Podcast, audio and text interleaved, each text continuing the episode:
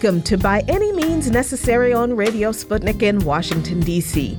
I'm your host, Jacquie Luqman, and as always, we're your guide to connecting the political, social, and economic movements shaping the world around us. Today on the show, we're talking about the need for a broad movement to address climate change in the wake of COP27, how Elon Musk's shenanigans with Twitter are actually as old as capitalist media monopolies themselves, and it's Tuesday, so it's time for our weekly tech segment, Tech for the People. And later on in the show, starting at 3:20 p.m. Eastern Time, we'll be opening the phone lines to you. But before we can move on, you know, there are frequently questions about the level of solidarity among the white working class and poor toward the black working class and poor, and whether a true workers' movement is possible in this country, considering how prevalent and persistent racism is in crushing a unified, multiracial, multi ethnic working class struggle. And I admit that this question has caused me a bit of pessimism, and it's caused me to uh, feel a little bit down about this issue from time to time, leading me sometimes to believe that racist attitudes of working class and poor white people will always take precedence over their natural solidarity with their black counterparts. But then my faith in our ability to build that multiracial, multi ethnic working class movement is renewed as I learned how there were plenty of times that white workers not only stood side by side in struggle with black workers against the boss's exploitation of all of them, all of them, but many of those white proletariat soldiers gave their lives for that struggle. One such example is the Bogalusa labor massacre, which happened on November 22nd in 1919 when agents of the Great Southern Lumber Company formed a gang to threaten African American labor organizer Sol Dacus, who was trying to unionize black workers at the Great Southern Sawmill. The Veterans of the Civil Rights Movement website notes that, quote, Great Southern owned everything houses, stores, electricity, utility, schools, even the segregated parks. They also ran the government. The mill's general manager was the mayor, and the police department took their orders from the company. In addition to the cops, Great Southern maintained a private armed security force to maintain quote unquote labor discipline. In 1919, after World War I, white and black soldiers tried to form a biracial union with segregated locals, as required by uh, Louisiana law. The company organized racist whites into the Self Preservation and Loyalty League, or the SPLL. These company gunmen uh, and other members of the SPLL assaulted union members, evicted them from their company housing, burned private homes, kidnapped, and tortured organizers. But what's important to note is that not all the white employees of the sawmill went along with the company's racist divide and conquer tactics. The Zinn Education Project explains that the SPLL tried to kill Dorcas on the night of November 21st when they showed up at his home and shot up the place.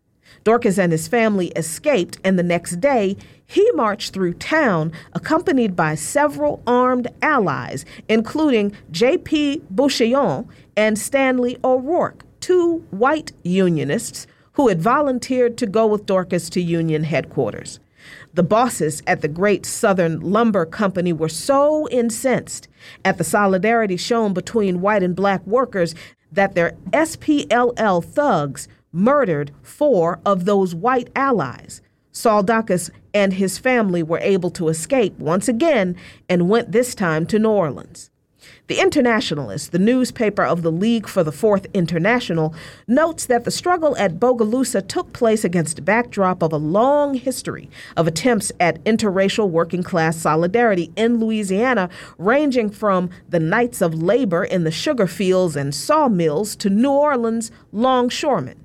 The efforts by the Knights of Labor were essentially drowned in blood such as in the Thibodaux massacre of November 1887, in which as many as 300 striking black sugar plantation workers are estimated to have been killed. But the Brotherhood of Timber Workers, or the BTW, launched a new wave of class struggle in the lumber industry of western Louisiana and Texas in 1911 through 1913. The BTW was a segregated labor union since that was mandated by Jim Crow laws in Louisiana, but Big Bill Haywood from the Industrial Workers of the World attended a BTW gathering in May of 1912 and was surprised to not see any black faces in the meeting. And he was told they were all sitting in another room.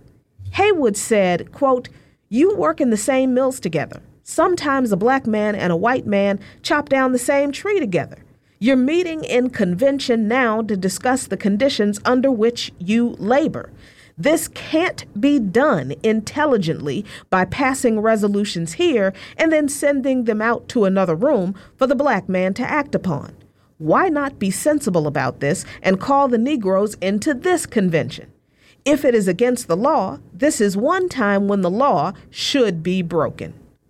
So black workers joined the assembly, which also voted that the BTW affiliate to the IWW.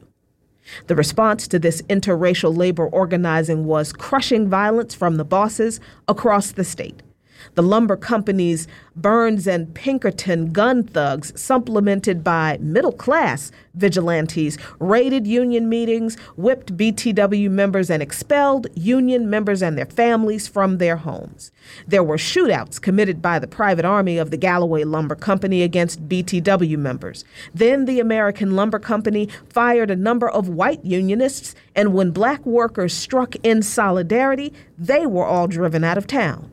The bosses also claimed that the organizing drive was financed by Moscow. This was back in 1919, y'all, so this Red Scare business, it's not new. And of course, bosses tried to whip up racial resentment among white workers by circulating a photo of an IUTW meeting in Mississippi in which whites and blacks, including Dawkins, could be seen together, alleging race mixing in hopes that white workers' commitment to the struggle would end. While the AFL unions did not challenge any aspect of Jim Crow and finally offered not to organize black workers if the companies promised not to use them as scabs, the AFL also demanded equal wages for white and black workers and ultimately went all in to the limit in defending their black co workers.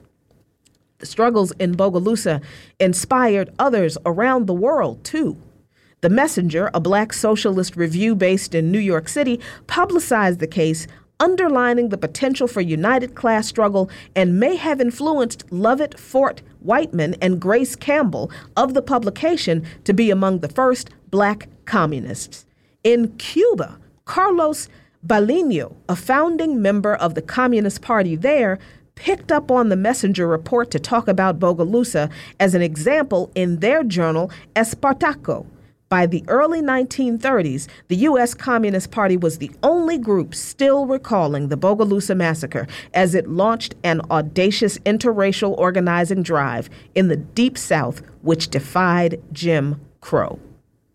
If interracial, multi ethnic, working class solidarity weren't such an effective weapon against capitalism, the capitalists wouldn't have done so much to stop it. So we need to continue to recall the Bogalusa example to finally defeat the bosses that are continuing to divide and exploit us all, because that is the only way we will win.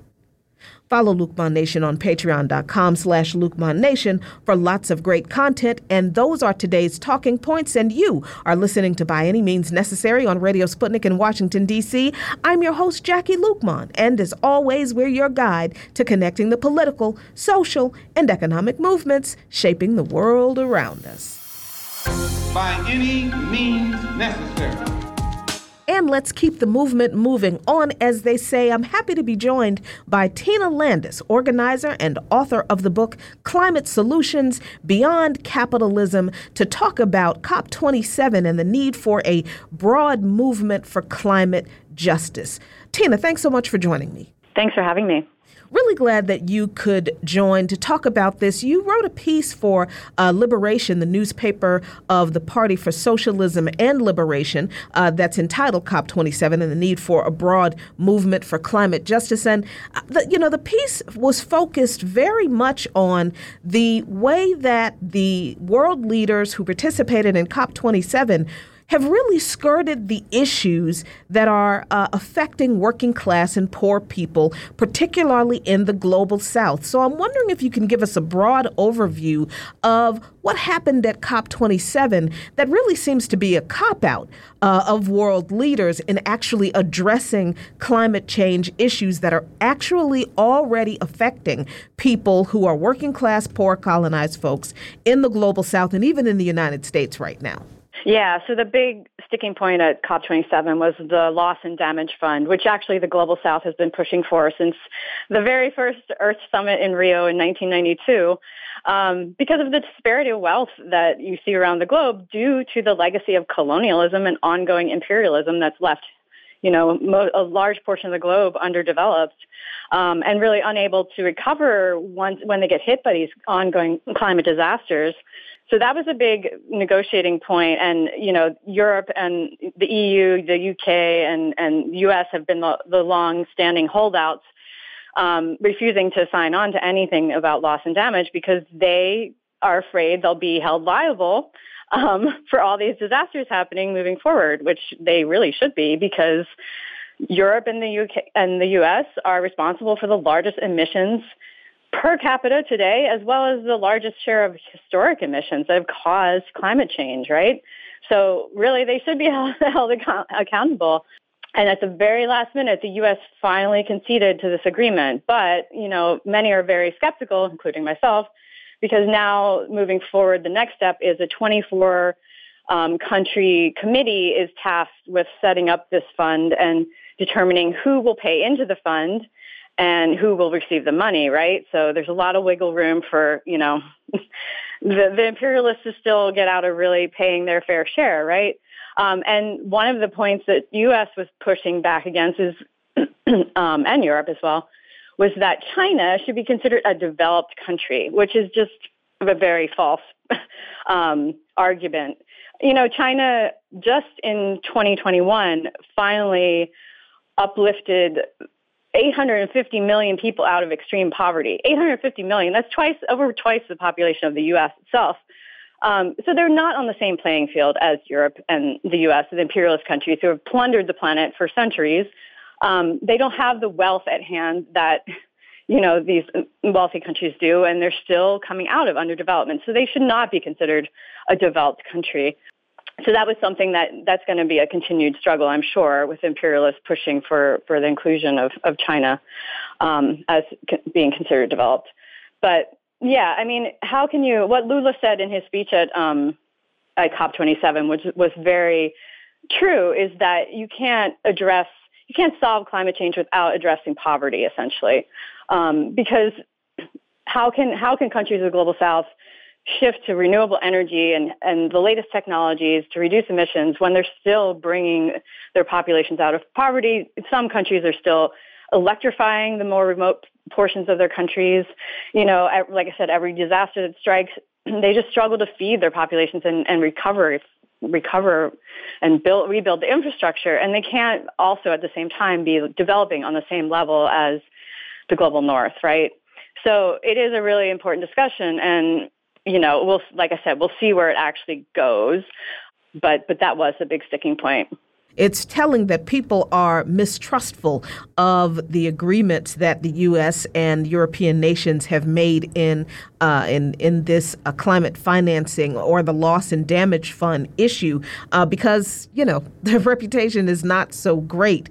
Uh, there's not a whole lot that people have been able to trust these countries uh, to do in regard to taking care of working class and poor people in their own countries, and certainly not uh, trusting them to do much about uh, the damage they've done to working class, poor, and colonized communities uh, communities around the world. And there's also uh, disappointment in language that was included that relate to uh, phasing down or phasing out fossil fuels.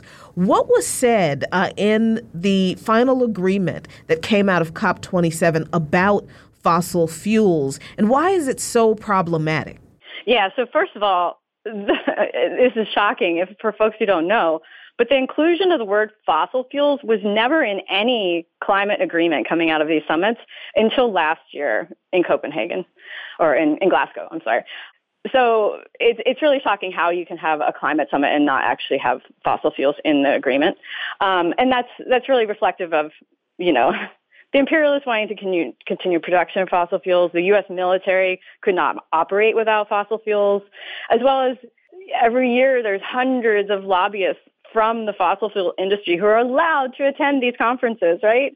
It's insane. There's over, there were over 600 this year, which is a record number, actually.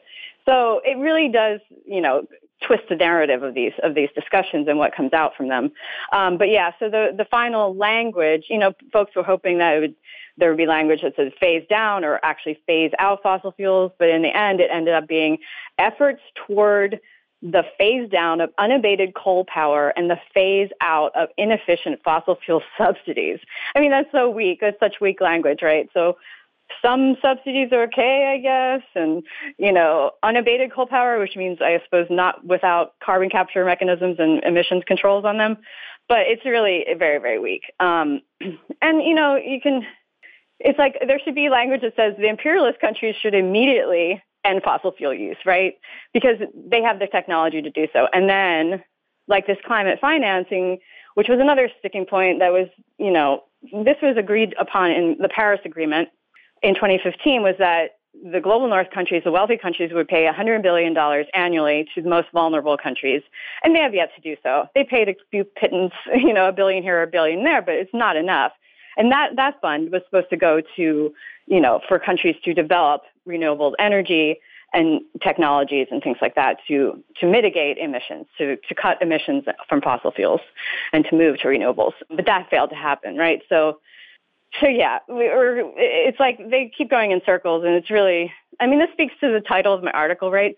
It's like we can't look to these summits, these conferences, to to lead the way, right? It, it's up to the people because we can see time and again our so-called leaders completely fail us and we're every year getting closer and closer to this tipping point where we're you know we're going to have an uninhabitable planet so it's really up to the people mobilizing in our communities, organizing ourselves, you know, making changes in our local areas and, and pushing for real climate action.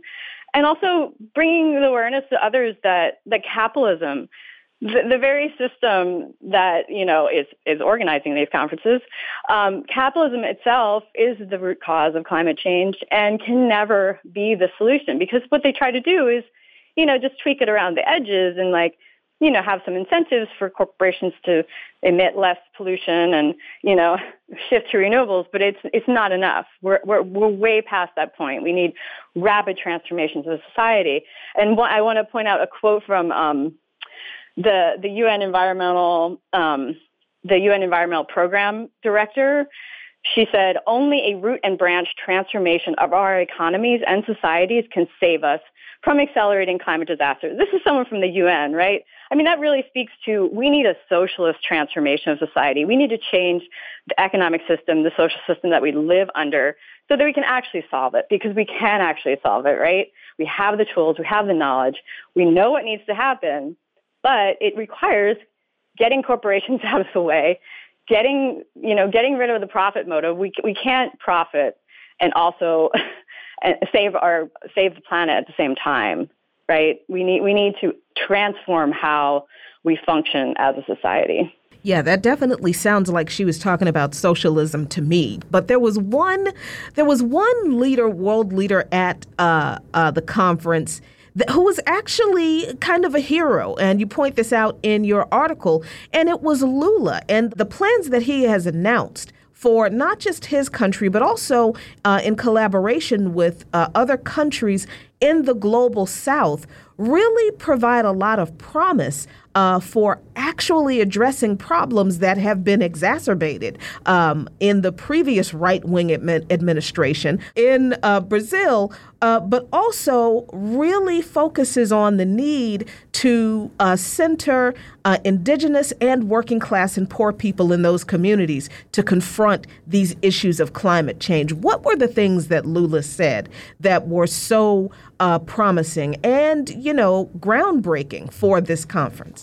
Yeah, so he's actually not even going to be officially in office until January, but he's already, you know, doing all this work to, to move the country in a in a more environmental direction and a left direction um, to really help the people as well.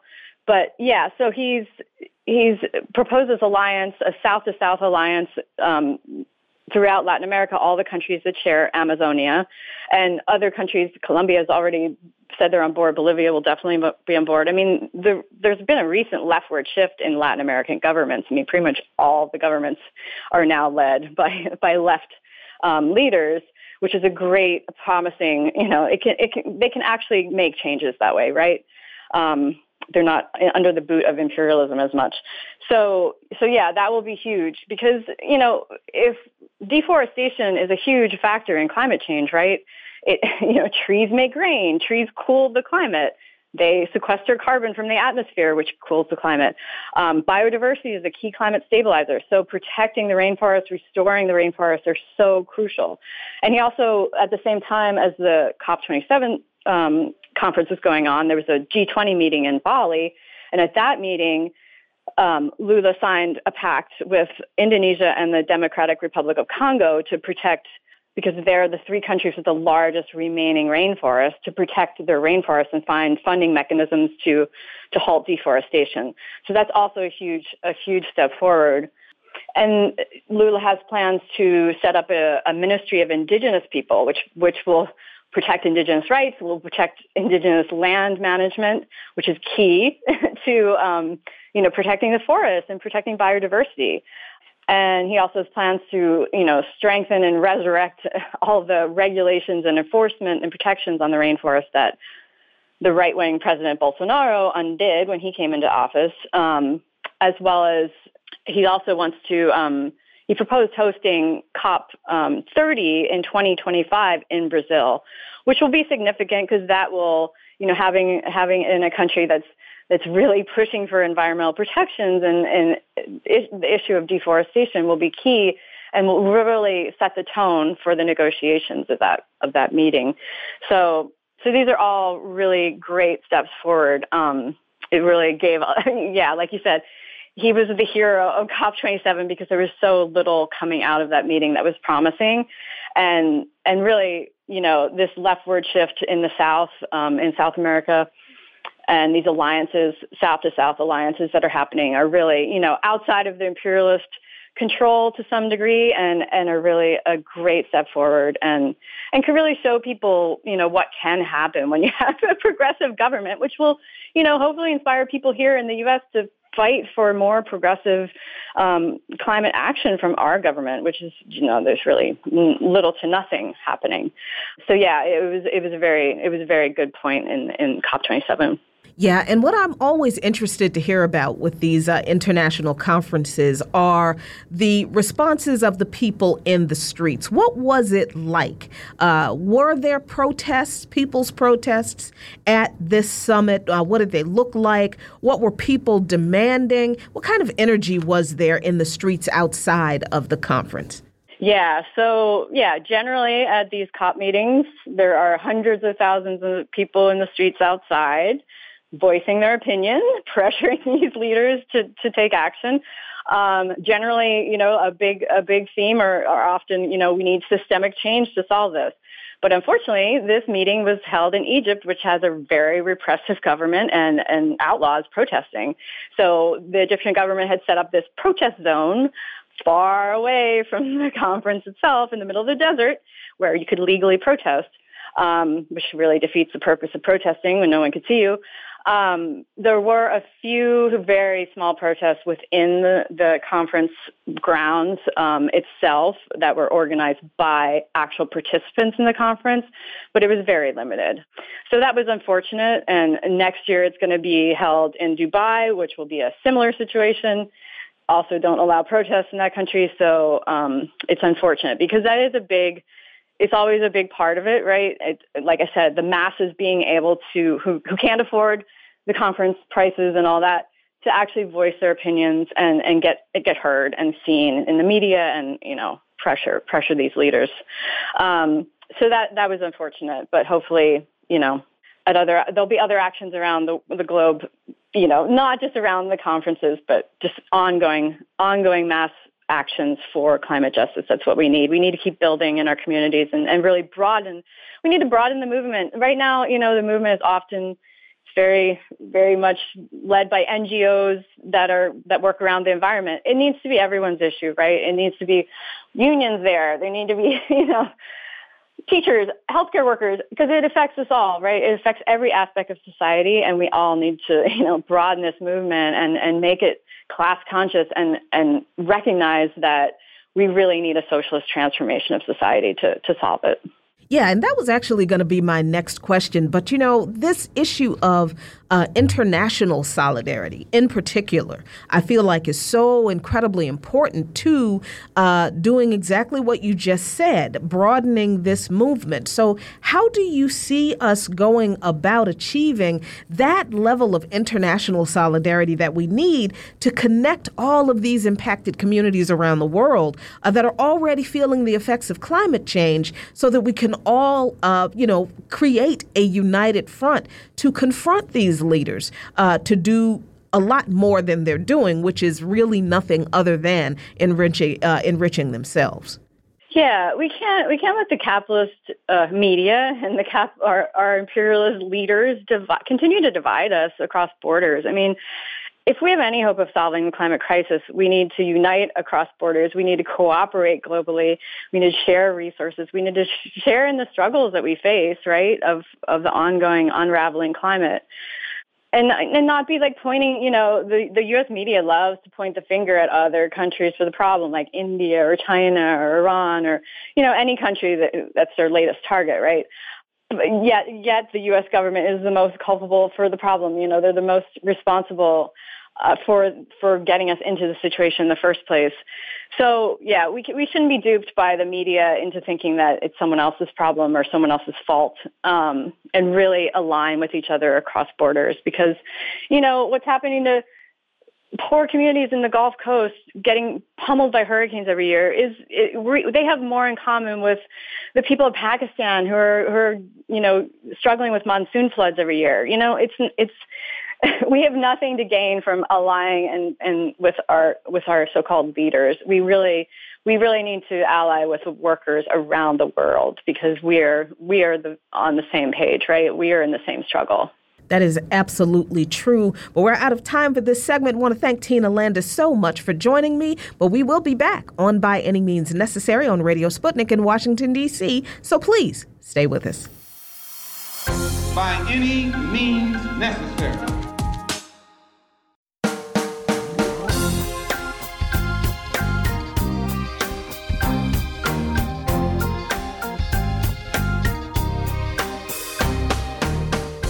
Welcome back to By Any Means Necessary on Radio Sputnik in Washington, D.C.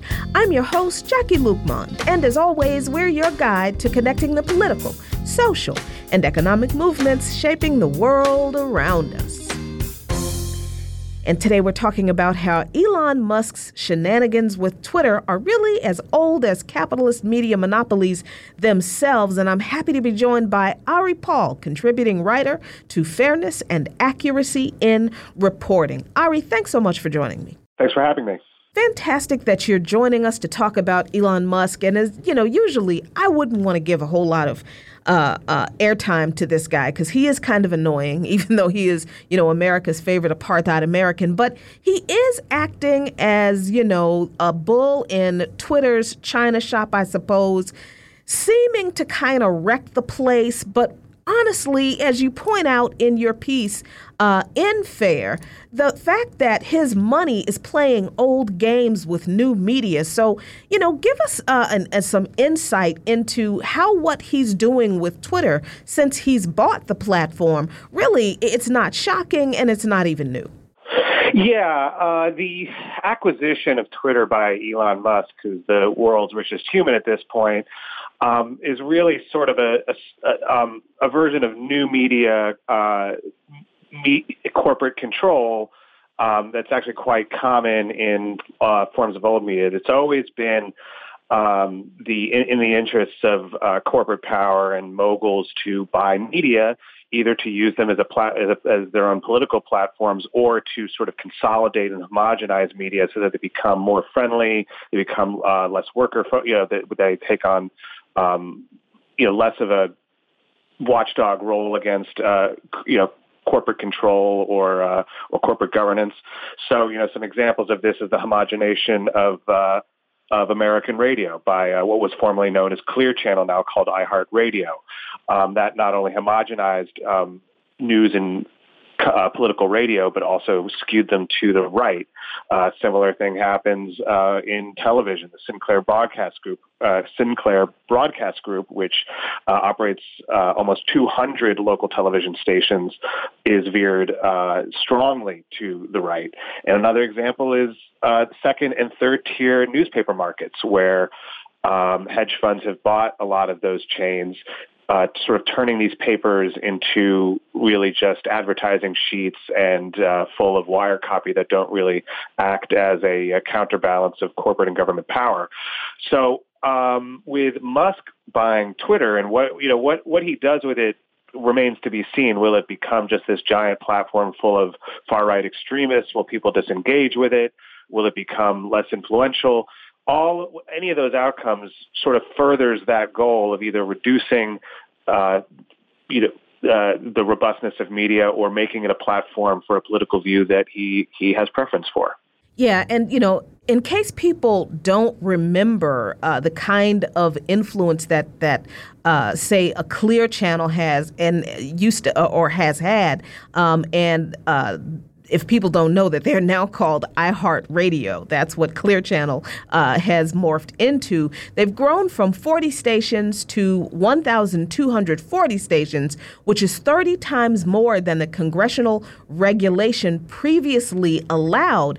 And they were influential in silencing the Dixie Chicks uh, back in 2003, I think it was, for their anti war stance. Uh, if, refresh people's memories about uh, that whole controversy and how just effectively this mus- uh, musical group was basically wiped off the, the, the radio station uh, map in this country. Yeah, it's sort of interesting now to hear a lot of the right Fox News complain about wokeness and cancel culture on Twitter or in other forms of media when in fact there's always been a great amount of cancel culture against the left uh, in in these types of media that, that, as you say, were sort of a result of corporate um, you know monopolization.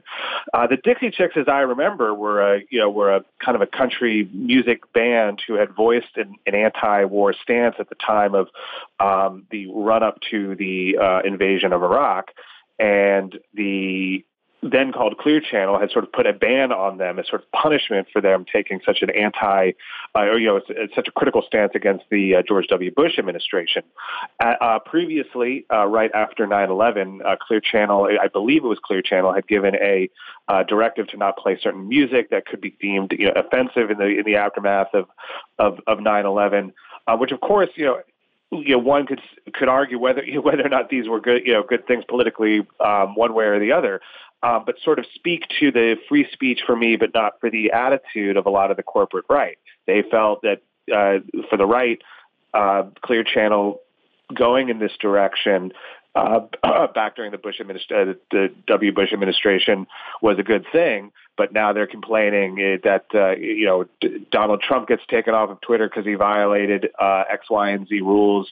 Um, certain other uh, conservative activists and groups were taken off Twitter, and they view that as a form of cancel culture. But the fact of the matter is, is that there's always been a great deal of cancel culture um, in corporate media, and this issue with the uh, Dixie Chicks was one of them. Yeah, and this uh, kind of mogul behavior in uh, gobbling up uh, smaller companies in their market and controlling, monopolizing the market, uh, while they're also uh, end up shedding content and just eviscerating these companies. We've also seen this in print media as well. What has that looked like over the years? Yeah, I mean, it's something that doesn't really affect the, the sort of the top tier of the market, the New York Times, the Wall Street Journals. Um, but what has happened in these sort of secondary and third markets, uh, places like, for example, McClatchy, um, which, you know, you know, historically has done wonderful reporting um, in the past, but with the decline of the newspaper industry, allowed them to be purchased by an by an asset management hedge fund. Um, and that led to consolidation, the outsourcing of some of its work. A similar thing had happened at Tribune. Uh, Tribune, uh, you know, had been taken over by Wall Street investors. That involved um, um, selling off some of the remaining assets. And uh, what ends up happening to a lot of these papers is they either shutter, they consolidate, or they lay off staff and instead of having original content um, that hold local governments accountable, they're just sort of running wire copy, or you have um, you know very few reporters doing too much work, so they're not able to really hold people accountable in their communities. So what ends up happening is that these asset companies that that hold these second and third tier uh, newspaper companies, they reap the profit, but there's less and less content out there, and these are the markets that really need more media, not less of it. Yeah, and you know, there's been a lot said about you know what uh, Elon Musk is actually doing. You know, people are talking about he's you know they're they're glad that he's reducing spending at Twitter, but then people are are you know accurately and rightly pointing out the hundreds, if not thousands, of people who have voluntarily left or who he has fired. They're saying that Musk is a free speech champion, you know, that's trying to end big tech uh, censorship, or that, you know, the advertisers that are boycotting Twitter now that he has bought it were signs of, you know, this liberal conspiracy to enforce online wokeness. And, you know, they're, they're talking about, uh, you know, how they're supporting him because he's, you know, an anti union type of guy, some folks. But really, I think under all of that uh, uh, commentary, with people trying to figure out what it is that Musk is doing with Twitter, I think under and behind all of that, Ari, is that just like all moguls, Musk is using his money to advance an agenda. So, what does that look like for Twitter, and what has it looked like for other kinds of uh, media apparatuses? Yeah, I mean, I think that's correct. I think a lot of that. Um, the the commentary in the right wing media about you know uh, he's a free speech champion or he's cutting costs. I mean, I think this is all sort of fluff. I think they're they're just celebrating the fact that uh, a very rich mogul who shares their politics is in control of a giant social media network.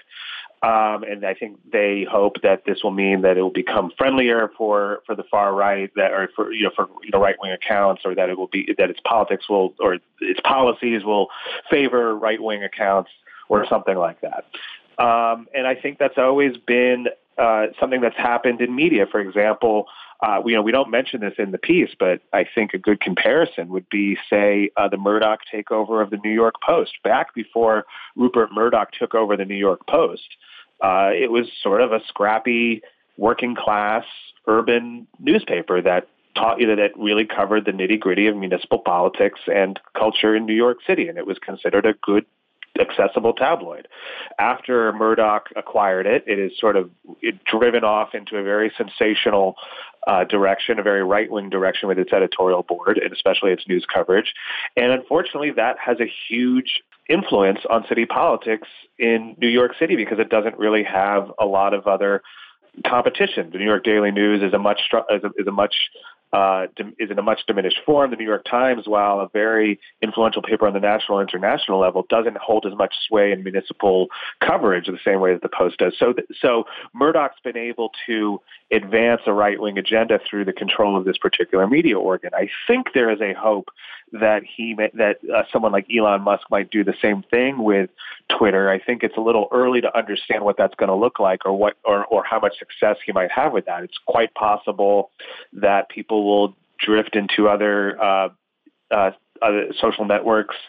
Um, that the uh, network might not be as usable as it once was. I think it's a little too early to tell, but I think their hope really is to replicate something uh, like what Murdoch has done with the uh, New York Post, or even what uh, the late uh, Sheldon Adelson did with the Las Vegas Review Journal. I believe it's called that. He purchased it. Um, for well more than it's worth, but really to uh, use it as a right wing organ in the Las Vegas media market. Yeah, definitely. I remember how Adelson, uh, who was very conservative and a Zionist and un, unapologetic uh, Zionist, uh, set up a free Israeli newspaper, and you point this out in your piece, uh, Israel Hayom, that until recently served as an unofficial mouthpiece for Benjamin Netanyahu. And you, you also point out in your piece, uh, Ari, that, you know, Uh, Musk's accusation of Twitter seems like a new chapter in history, but his choice to either skew Twitter to be friendly to the right, as his right wing cheerleaders believe he's doing, or to run the company into the ground is only the latest episode of moneyed interests pillaging our communications infrastructure for financing or ideological gain. Why do you think there has never been an effort on the so called left? On, you know, from Democrats to take over uh, media outlets the way uh, conservatives have and and people on the uh, far right seem to have been able to do with uh, much better success.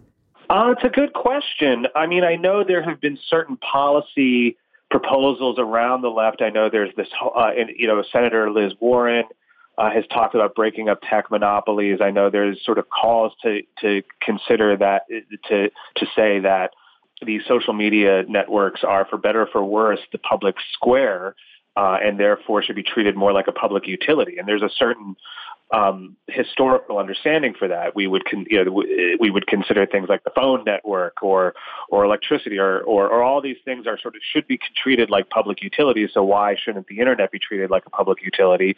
Uh, and for that matter, things like email and social uh, media networks. So I think there are those ideas out there. I just don't know that there is a particular there's a there's real movement within the Democratic Party at least to to really pursue that. Now, part of that might have to do with the fact that there's uh, historically quite you know the big tech companies um, are you know, are big contributors to Democrats as well as, you know, some Republicans. I believe there's actually been an increase in Republican donations from big tech. Uh, I believe there's a lot of hesitancy by the Silicon Valley community to not have more government intrusion. And so that then they have a lot of influence in American politics. I think the ideas are are out there. I just don't think there's a there's a, a push at the national level to uh, use the levers of power to you know try to make these things freer or or to to get them out of corporate control. But just the the right has been a very very um, you know united in that this is a big uh, priority for them out organized by the right once again in the corporate uh, monopoly takeover of uh, communications networks and even social media. Well, we're out of time for this segment. I want to thank Ari Paul so much for joining me. We'll be back on By Any Means Necessary on Radio Sputnik in Washington, D.C. So please stay with us. By any means necessary.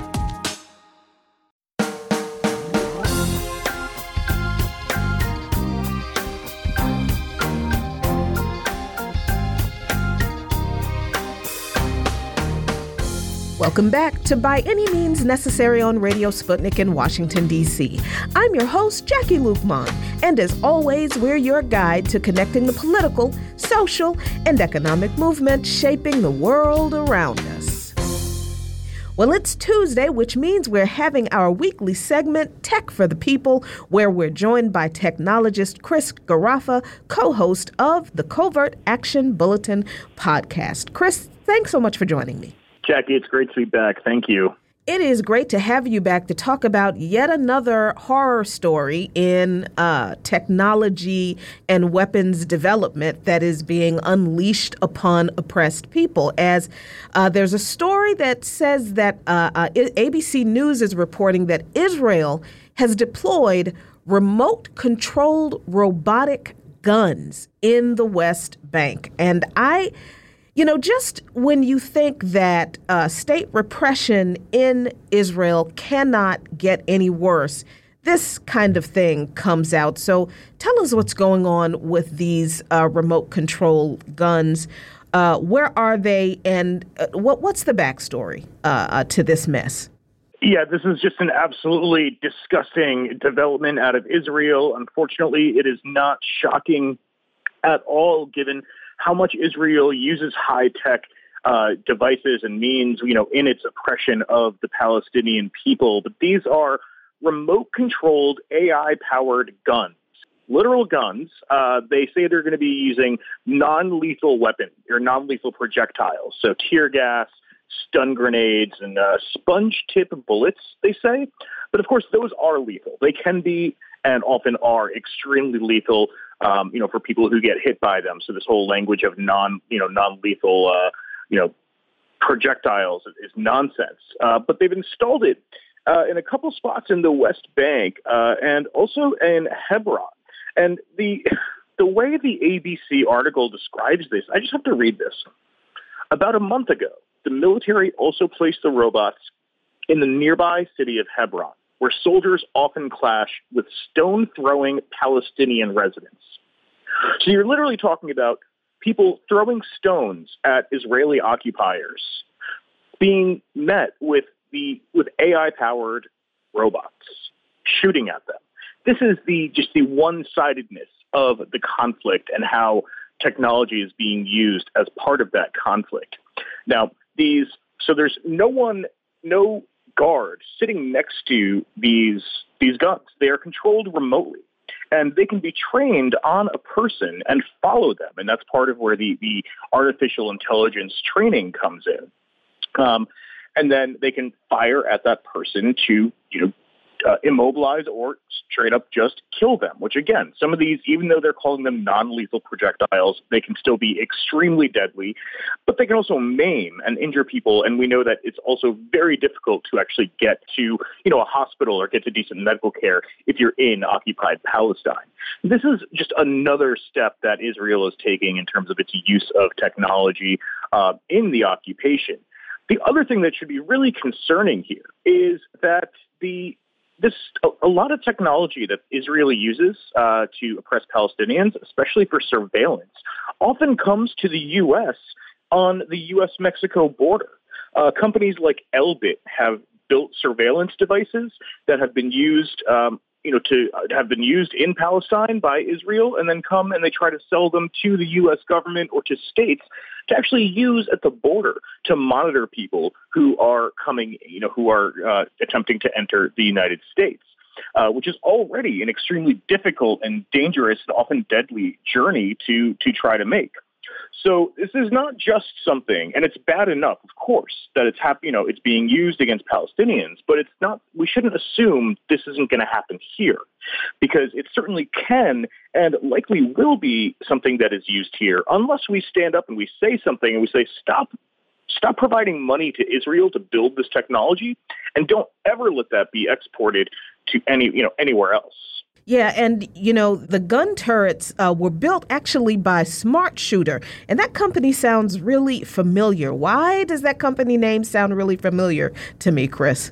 You know, there have been a number of products that Smart Shooter has built, and I believe we've we've talked about some of them even on this show. They make something called I, I think their language is fire control systems. They um, actually quoting them, they significantly increase the accuracy, lethality, and situational awareness of small arms.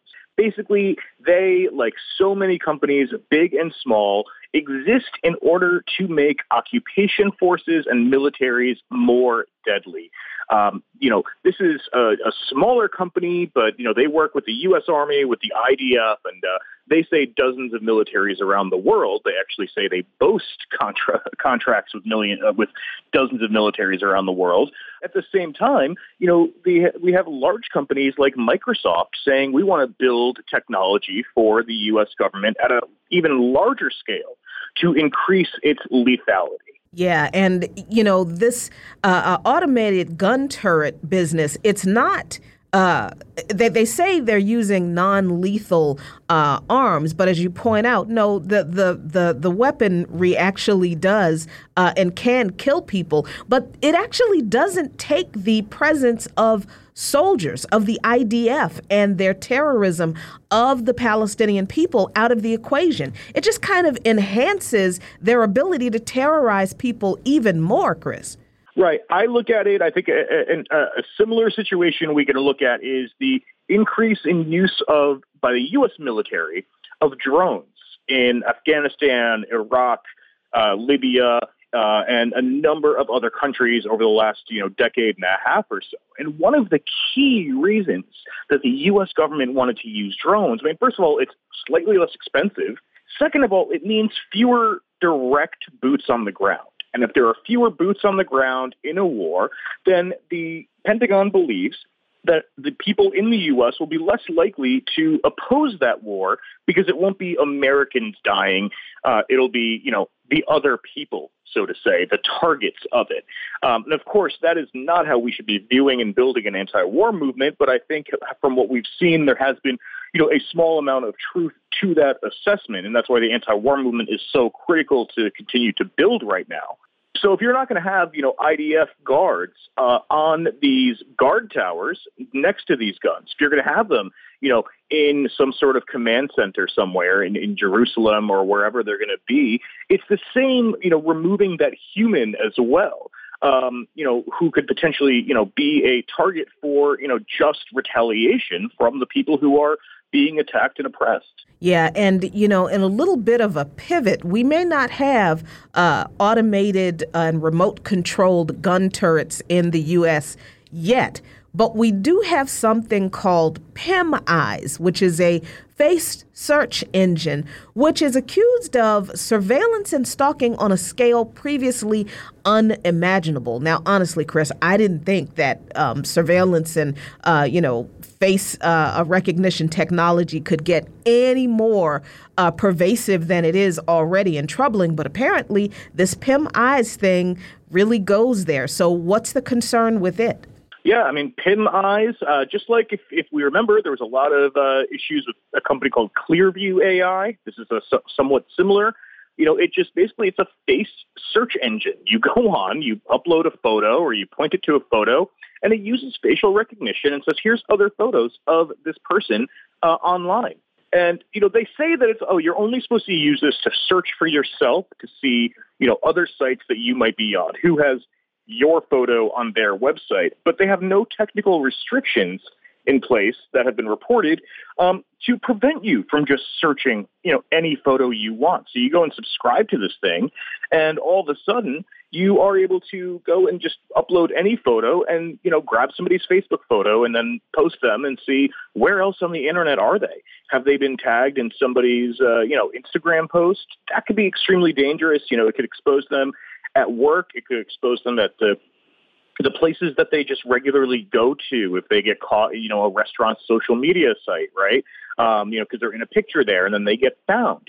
I looked into how to opt out to this, and there's I got one and a half steps into it because I wasn't going to go any further. Because first you have to upload a picture of yourself so that they know what photo you know to remove. But then you have to scan your ID or passport and upload it to them in order to go through the process of removing yourself from their results. Now they say, oh, please anonymize your scan of your ID or passports by, you know, blurring or blocking out the, you know, barcodes and license numbers and things like that. But the idea that you to to to remove yourself from this search engine that is taking advantage of the fact that so many of us are online, have social media, our friends have social media and have posted us. They you actually have to upload your passport or your driver's license or other form of ID in order to remove it. I consider that that is not a removal process. That is just sending them more information about you. And we have no reason to believe that they're actually going to remove the information or that they're not going to store the photo and uh, ID information that you actually do send to them. It was outrageous to see that, to see that as part of their process. Yeah, you know, and as you said, there's no reason to trust this company that they're going to uh, not do anything nefarious with all of this uh, uh, additional identifying information that they're requiring uh, people to give them to opt out of the service. And, you know, in a little bit of a pivot, but, you know, there really is no reason for us to trust the U.S. government to do anything about broadband. I mean, they haven't so far, but there is still such a problem with broadband and it makes no sense. So, what is the issue with broadband and why can't it be fixed in this country? Yeah, well, I mean, the issue, the reason it can't be fixed is capitalism. And, and this is why. Uh, You know, the, the Verge and Consumer Reports did a study last year. They asked readers for their just a copy of their broadband bill so they could do some comparisons. Uh, they got 22,000 responses. Mine was one of those. I submitted mine to be part of this. Uh, it's an unscientific study. It's not a, they call it, it's a not a standard statistical survey. Um, because it just came from the readers. But I think it's actually very telling that broadband is very expensive. The majority of people paying somewhere between 50 and $100 a month for broadband access. People still relying on satellite internet in rural areas, which can be very slow, it can be very unreliable, and imagine just not being able to connect to the internet. Um, but also, one of the biggest things that is an issue is that people have no choice in terms of their carrier and that's an issue while we have very little actual regulation about what broadband even means. Based on the vendors uh, that, or based on the zip codes that were submitted, uh, most, about half of people had only one choice for broadband internet access. Um, few more had two, and then a bunch, you know, very few people had three, you know, three choices. Now, the issue isn't that, oh, we need more competition in the cable uh, or DSL or satellite services, we need actually a national plan to get broadband to the entire country, just like we have electricity to pretty much the entire country now. Broadband should be a basic human right. Access to the internet is effectively required to live, uh, to get jobs, to stay in touch with people, to get news and alerts. So why don't we have this requirement that everyone and every community should be able to get online at decent speeds, at broadband speeds. The infrastructure is either there and not maintained, or it actually doesn't exist but could be built out, save for the fact that the existing companies, AT&T, Comcast, and others, wouldn't don't feel like that they would make enough profit off of building it out. And that's the problem. It's a profit motive. There should not, not be profit involved in broadband access, just like there should not be profit involved in housing, in access to other utilities like water, electricity, and gas.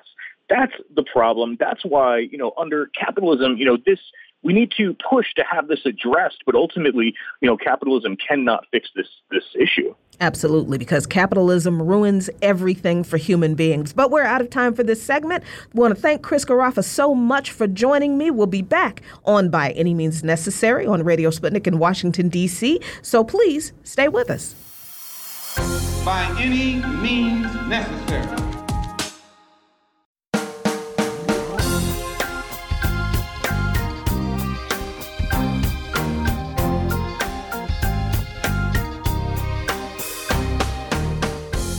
Welcome back to By Any Means Necessary on Radio Sputnik in Washington, D.C.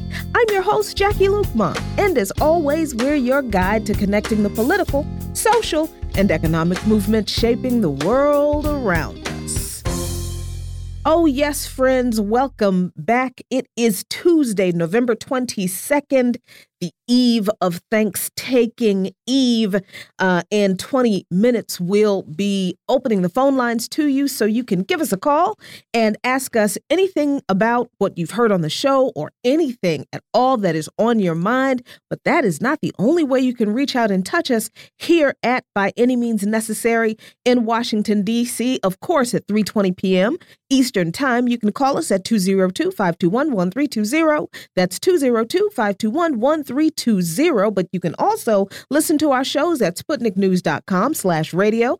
Click on the plus sign and type in by any means necessary. You can also hear us on sputnik.mave, that's M-A-V-E dot digital, and you can listen live on your radio dial at 105.5 FM and 1390 AM in the Washington, D.C. area from 2 to 4 p.m.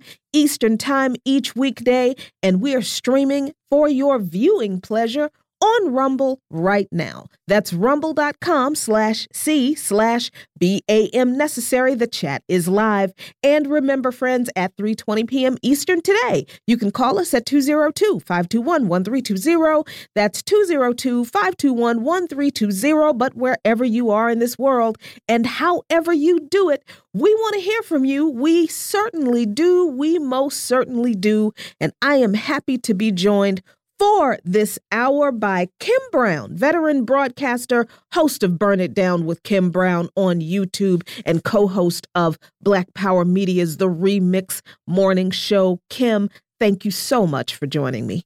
Jacquie, it's an honor as always. Thanks for having me.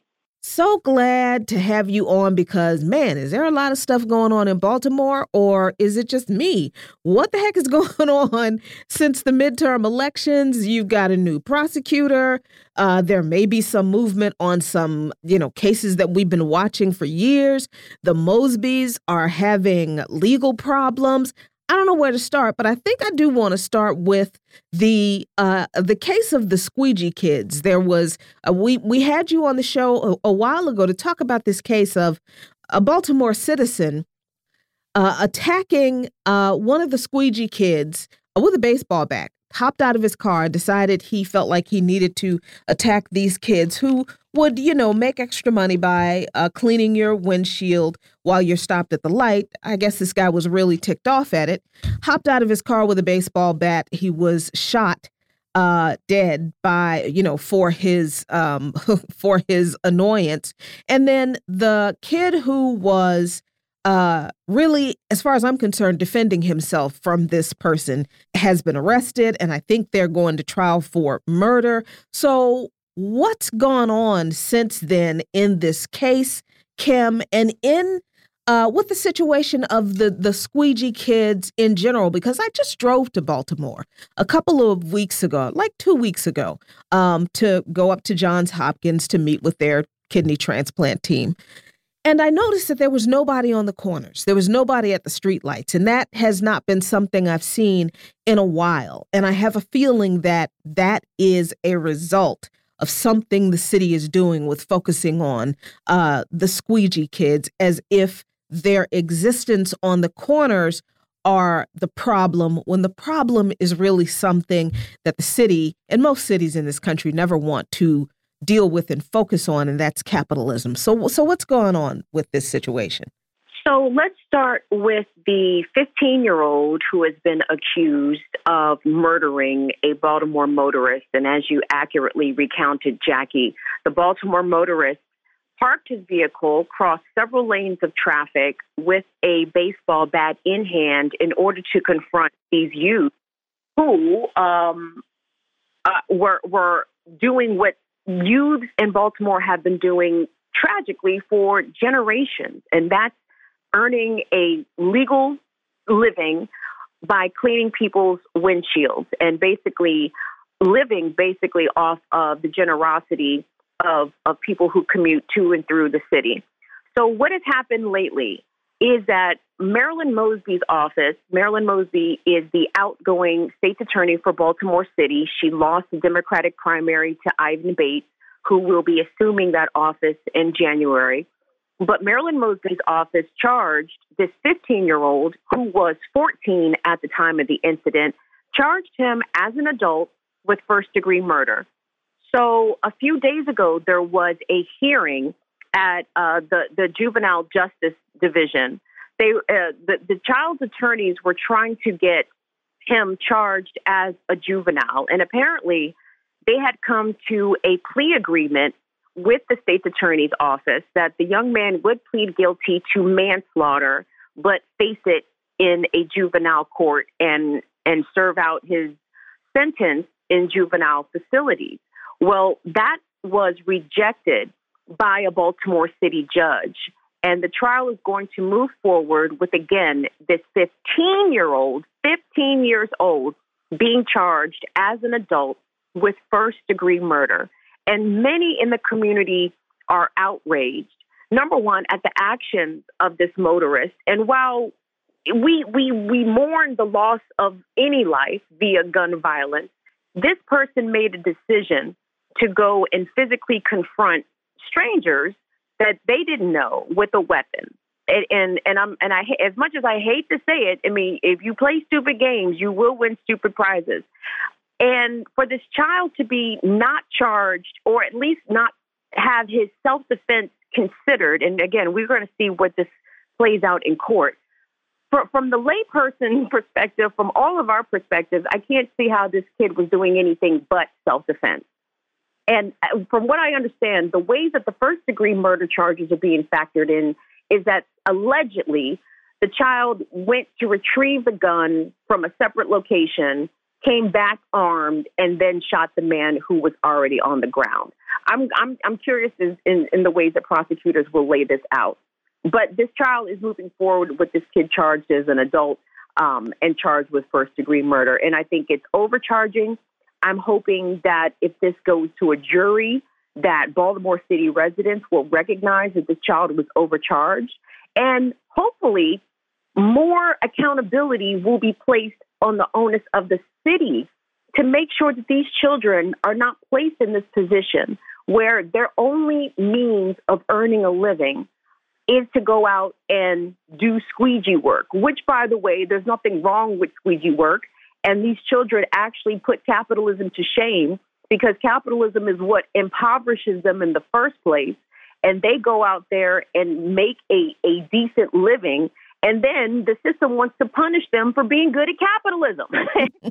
it, it, it's remarkable. But to your point about you're seeing fewer squeegee kids out on city corners, that is correct. Baltimore City Police have taken more of a proactive stance of quote unquote clearing the corners, particularly the corners that are in proximity to Baltimore's inner harbor and downtown areas where most of the tourist activity usually happens. So they're trying to move the kids out of the downtown areas, basically out of sight, out of mind, and allegedly trying to come up with programs that will put money into these kids' hands, but it, the the money that the city wants to give to these children, you usually it pales in comparison to what the kids are actually able to earn whilst out there on the corner doing squeegee work. Yeah, you know, it's wild that the tip of the spear, so to speak, in uh, the city of Baltimore addressing the issue of, you know, the unsightly squeegee kids is police. It's it's not social services. It's not you know, any employment services. It's not any uh, civilian uh, kind of of agency. It's the cops, and I just gotta say that is so typically American capitalist uh, to to respond to a problem of the failure of capitalism to provide a safe uh, and and and and and guaranteed income for a marginalized group of people in a city that really it pretty much exists on tourism. So that instead of just making sure that these kids are actually safe out in the streets, because I mean, there have been reports, Kim, have there not, of you know these kids being hit by cars. Uh, these uh, uh, there have been assaults on these kids before this uh, one happened. So this is not even a a safe way to make a living all the time. But because these kids have become so good at it and, and they don't have any other options in an exploitative capitalist system that's already excluded them from the so called legitimate ways to make a living, now they get punished, as you said, by the cops because they're actually able to make a living, but they're unsightly, and now they're a problem, and they and they need to be dealt with instead of they need to be rewarded for being honestly. And I think I agree with you, uh, Kim, for beating the capitalists at their own game. And on top of that, Jacquie, if, when you look at Baltimore City, and Baltimore is Maryland's biggest city, Baltimore is and ought to be Maryland's gem. But Baltimore goes so badly neglected. And here in the state of Maryland, the state just elected, I know you're going to be excited about this, Jacquie, so stay in your seat. they just elected their first ever black governor. Now, stop celebrating, stop celebrating. His name is Wes Moore, and Wes Moore is a political unknown. But I'm concerned that Wes Moore, in these footsteps of both Republican and Democratic governors before him will absolutely neglect the needs of Baltimore City. Baltimore continues to go neglected with its public school system, with its failing public transportation system, with its overinvestment in police and building new jails, et cetera. These are the things that Baltimore needs to address. And I'm hoping that Wes Moore, even though I doubt that he will, but I'm hoping that he will. But when we look at these kids, these kids understand that they are in failing schools. They understand that when they go to school, they can't even drink water out of the water fountain because of the lead pipe contamination. They understand that when the temperatures get to be too hot or too cold, for some reason, there's never money to invest in schools' HVAC systems to make sure that children and teachers and staff can comfortably be in a safe environment for learning and for teaching. But the kids also realize that, hey, the city has money for these school resource officers. There is absolutely a cop at every Baltimore City public school, but are there enough teachers? Are there enough books? Are there facilities safe and up to standard? Absolutely not. So when these children make different decisions, and again, I don't have a problem with squeegee kids. I don't even have a problem with drug dealing, Jacquie. To be perfectly honest, if if if it puts food on the table, people have to do what they have to do. But it is a symptom of the neglect and the um, just outright exploitation and intentional ignoring of poor people, of poor Black people in Baltimore City and the, the state needs to do better and the city needs to do better because some of the elected leadership um, even though Marilyn Mosby's on the way out, her husband still remains president of the Baltimore City Council, and he himself had to face an, an ethics hearing this week uh, for for some of the things that he has allegedly done. So there, there's there's a lot to get into. Yeah, you know, uh, for what it's worth, and I don't think it's worth a whole lot, but for what it's worth, um, outgoing uh, uh, Governor Hogan uh, said uh, of the Squeegee Collaborative's plan uh, to pay some of the squeegee workers. He said, That sounds completely absurd and ridiculous to me. We need crackdowns, not handouts. We need to get the people who are violating the law off the streets. He's talking about the squeegee kids. And that's what's be, what we've been saying for several years now. I'm not so sure what took so long, the many months for the squeegee collaborative to come up with any of this stuff that they came up with, like self monitoring. And they're going to have designated areas and they're going to pay them. Hey, look, I'm not the mayor of Baltimore, but it's certainly not the way I'd go about handling it if I was. Well, here's the thing, though, Kim. Okay, fine, he's not the mayor of Baltimore, but he hasn't done anything to address the quote unquote problem of the, the squeegee kids the entire time that he was governor either. So it's weird that he has all this smoke as he's leaving the governor's office for the Squeegee Collaborative. And, I, and I'm not so sure that their plan is so great. I'm just saying, Hogan has a lot of nerve having any kind of smoke for anybody coming up with a plan when what's his plan been to do anything better for these kids? Oh, his plan has just been more police, mm-hmm. more funding. And this was a very specific policy initiative set forth by Governor Hogan refund the police. he, he said that and meant that and put dollars behind that and chastised Marilyn Mosby for failing to prosecute smaller crimes, which is something that I actually agree with her office in that, that she did that. But on the flip side, she is still persecuting people um, w- without really good evidence. Obviously, I'm speaking specifically about Keith Davis Jr. Um, her office is still doing very harmful things, and there's even some questions about some of the exonerations that she's done recently. Um, how, how, grounded some of those were in in actual um, evidence. But for Hogan to make those comments to me is completely unsurprising. As I've said, Republican and Democratic governors alike have looked at Baltimore City with disdain. And and starting back with Martin O'Malley when he was mayor of Baltimore City, the broken windows policing initiative was his brainchild, or he borrowed that from from NYPD in the 90s and implemented it with vigor and force in Baltimore City, which inevitably spurred the Department of Justice consent decree that is on Baltimore City's police department, but it doesn't really do anything because the police still keep up with their unconstitutional practices, regardless of being under consent decree. So the money still continues to go to, to, to, the police. It does not go to the community. The amount of money that they're offering to pay these squeaky workers really pales in comparison to what they could be making on the street. I mean, these kids do earn a good living, and and it and you're right that they do face dangers as a result of that. But what's more dangerous to them? You know, if, they were out there selling drugs, they would need a gun on them also. They would need ways to protect themselves. And the violence spurred by the poverty in Baltimore, as, as echoed by the 15 year old squeegee kid, um, the, the one charged with murder, his attorney, Warren Brown, made the point that kids in Baltimore can get guns as easily as they can get cell phones.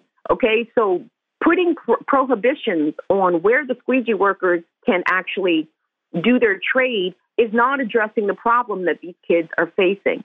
So when we continue to look at the historical and generational disinvestment in Baltimore City public schools, also speaking specifically about Governor Hogan, there was $1 billion avail- available and approved in federal funds for Baltimore to build the Red Line, which would have been a public transportation initiative. There has not been any public transportation investment in Baltimore City in over 30 years. And the Red Line would have created a new light rail system to move workers across the city, move people across the city. And Larry Hogan rejected it. And that has put back Baltimore's economic progress probably back another generation or two. Okay, so the kids see that their schools are not being invested in, their cities not being invested in, and they are out there having to survive for themselves with no help from the government. But the only help they will get from the government will be to help them into some handcuffs and help them into a jail cell if they go out there on the streets and do what they need to do to survive. That's capitalism for you. But we're going to move to the first break of the hour. We'll be right back on By Any Means Necessary on Radio Sputnik here in Washington, D.C. So please stay with us by any means necessary.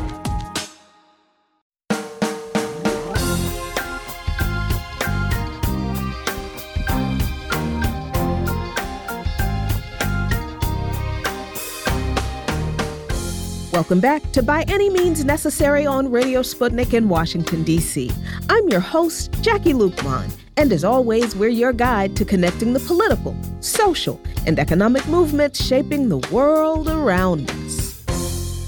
Phone lines are now open, friends. 202 521 1320. That's 202 521 1320. I am Jacquie Luqman, and I continue to be joined by my girl, Kim Brown. And Kim, I really want to dig into this Ivan Bates victory and what it means for uh, not just the Baltimore State's Attorney's Office, but for for Baltimore in particular, and some of those cases that you mentioned uh, on the other side of the break, because you know Bates's victory is kind of of hailed as like a major departure from uh, uh, the way the Baltimore uh, state's attorney's office has approached crime, even as Marilyn Mosby uh, ran in 2014 as a progressive prosecutor. That that uh, trend that uh, got us people like Mosby and uh, Larry Krasner in Philadelphia, and we see how useful they've been. But um, Bates has campaigned on uh, really distancing himself from Mosby by saying that he's going to restart prosecutions of low level crimes, which Mosby halted during the pandemic, and that he's going to pursue jail time in all illegal gun possession cases. So, I mean, it's in a way, it sounds like a departure from the way Mosby uh, ran the state's attorney's office. However, Given the really poor performance of Mosby in regard to what has seemed to be uh, the fair adjudication of certain cases, I don't know what exactly we're expecting from a Bates um, uh, Baltimore attorney's office. What what is your take on this guy and and what his uh, the way he he could run the uh, state's attorney's office could mean for some cases that we've been looking at? Well, I'm not too encouraged by the election of Ivan Bates, and I don't really think that voters picking him over Marilyn Mosby was necessarily a reflection of her job performance, even though I don't think that most Baltimore residents um, approved of, of her job performance. But on but on the other hand, a lot did because there there's there's a lot of respectability in Baltimore, right? There's a lot of black respectability, and Marilyn Mosby and her husband Nick are are are sort of the the the the representation of of what could be, right? Like you have these these these younger black people, you know, made their way through their profession, and now look at them. One is state's attorney, married to the president of the city council, and that imagery um, resounds with some people, and some people are okay with that. But on the other hand, you have those in Baltimore who look at the Mosbys as a power couple, as a consolidation of too much power in the city. They both are, you know, some of the most powerful people politically in Baltimore, and a lot of people didn't like that. So I think the rejection of Marilyn Mosby was more so a rejection of of her personality and maybe perhaps the the image that that she has set forth um, because Ivan Bates is is police, right? Mm. She's police too, so he is going to resume doing things the way that they were done prior to Marilyn Mosby coming to office. Which again, she wasn't outstanding, but the fact that she was lessening the the amount of low level crimes being prosecuted by her office was a something. It wasn't, you know, totally nothing. So I'm concerned that we're going to see more increases in stop and frisk arrests, in people being detained, in targeting of, of kids in Baltimore, and to fill the jails with with jaywalkers or with low level um, drug possession, or even the issue about gun possession, I think is a really critical one because the war on drugs seemed to pivot to the war on guns.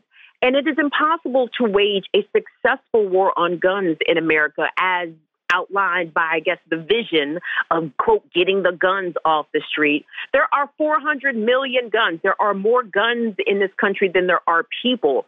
This pie in the sky notion that we're going to somehow rid the streets of guns is just another reason to keep the spigots of the budgets and the funding wide open for the cops because they have this goal that they will never achieve, right? So Ivan Bates is is to me he's going to be bad for Baltimore, possibly even worse than Marilyn Mosby because his his answer is policing. His answer is jail, um, and and we know what jail does to people. It it ruins their lives. It ruins their opportunities. It traumatizes them um, and and makes them ill equipped to come out into the world and, and do what society expects of them.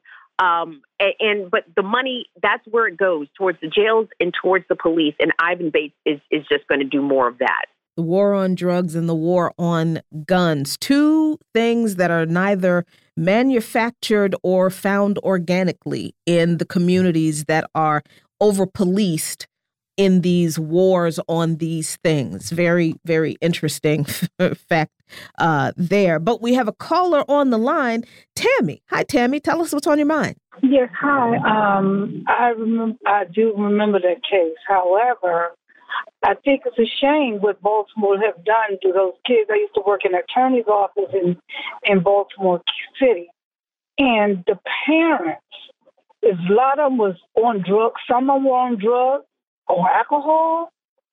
Those kids have no one else to, to look after them.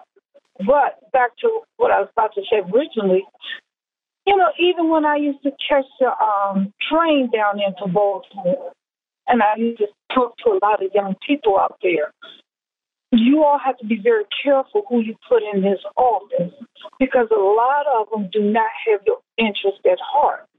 And one man said, "Man, you're right. I keep telling my mother, stop voting for these Democrats because the only thing they're gonna do is set you set you back."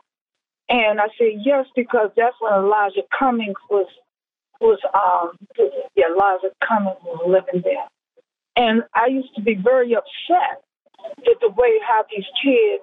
All, I was upset when they gave away the uh, public school system. That's one thing, but um, I was also upset because they had no one else to turn to because these same daggone people they voted in turned their backs against them, away from them. They didn't want to trust the Republican because the grandmother said, well, if we continue to vote for a Democrat, they'll help us out. and they haven't done anything for them. That's you know, it's a shame the way the things has gone, you know, in Baltimore. But I try to keep them yeah in prayer. But a lot of people, yep, don't do not understand tragedy after tragedy after tragedy. And matter of fact, someone just told me this year that um, they put on the ballot that the um, city council can do no more than three years. They got to go. Now that should have been the first thing to get rid of the city council. And I didn't know those people were sitting on that daggone city council that long.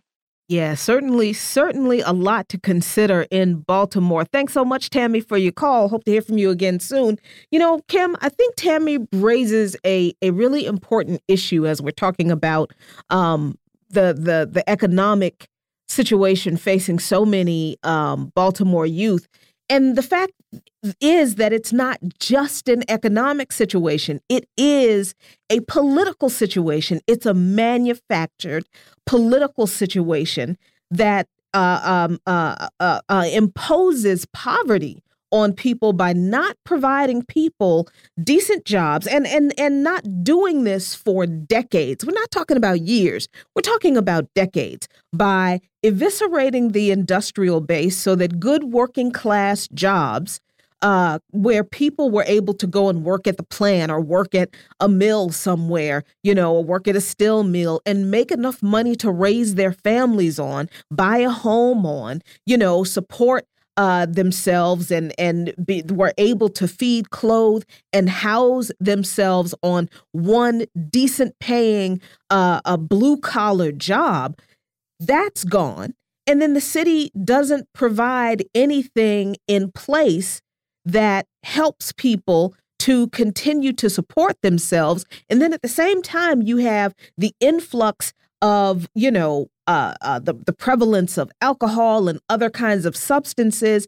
Despair sets in when people can't take care of themselves and their families anymore. That happens to everybody. We see the same thing happening with the opioid crisis in the Rust Belt uh, in West Virginia, where all of the steel jobs have gone. This is the same kind of thing that's happened in places like Baltimore. But it's interesting, Kim, that you know, there has not been, and we, have talked about this so many times in so many different contexts, but it is interesting that we have not seen as much sympathy for, uh, as as Tammy pointed out, the parents of these kids who are suffering from the political decisions that these politicians have made, Democrat and Republican, to uh, uh, rip away the the foundation of society from under them and then tell them sink or swim and watch them sink.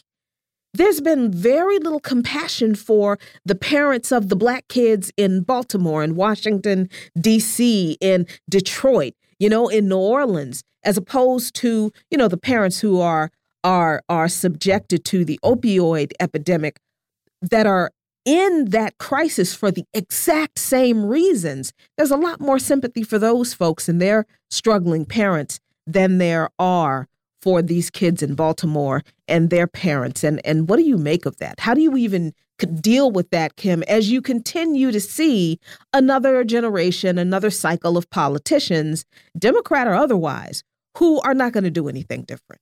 Well, I definitely appreciate Tammy's call, and she made some excellent points. And to your question, Jacquie, about, for example, the opioid crisis, Baltimore City has been experiencing an opioid crisis since at least the 80s, definitely since the 90s.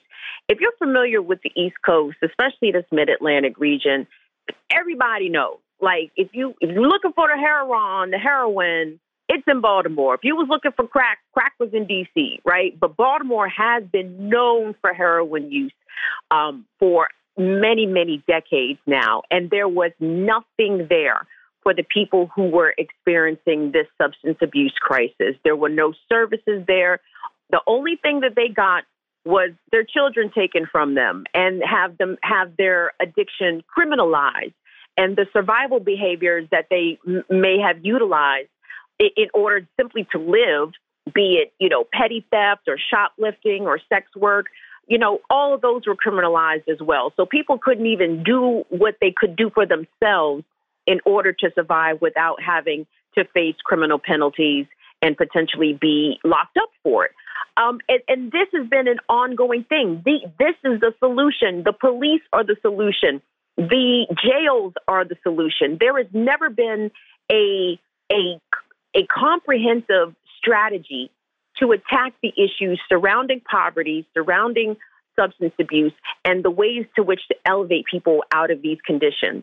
And I'm also glad that Tammy brought up uh, the Baltimore City Council and the, the late Elijah Cummings because, you know, huh, the, the, these are the flaws of representational politics. Just because you have a, a black city council or majority black city council or your congressperson is black, your mayor is black, your president can be black. What does that actually do to change the, the, the, the conditions of the multi generational oppression, economic oppression, exploitation, over policing? What does that do to change any of that? And and the answer is nothing. okay, we can look at Baltimore as a perfect case study of multi generation black democratic leadership being elected to the city time and time again, and nothing in Baltimore fundamentally changes.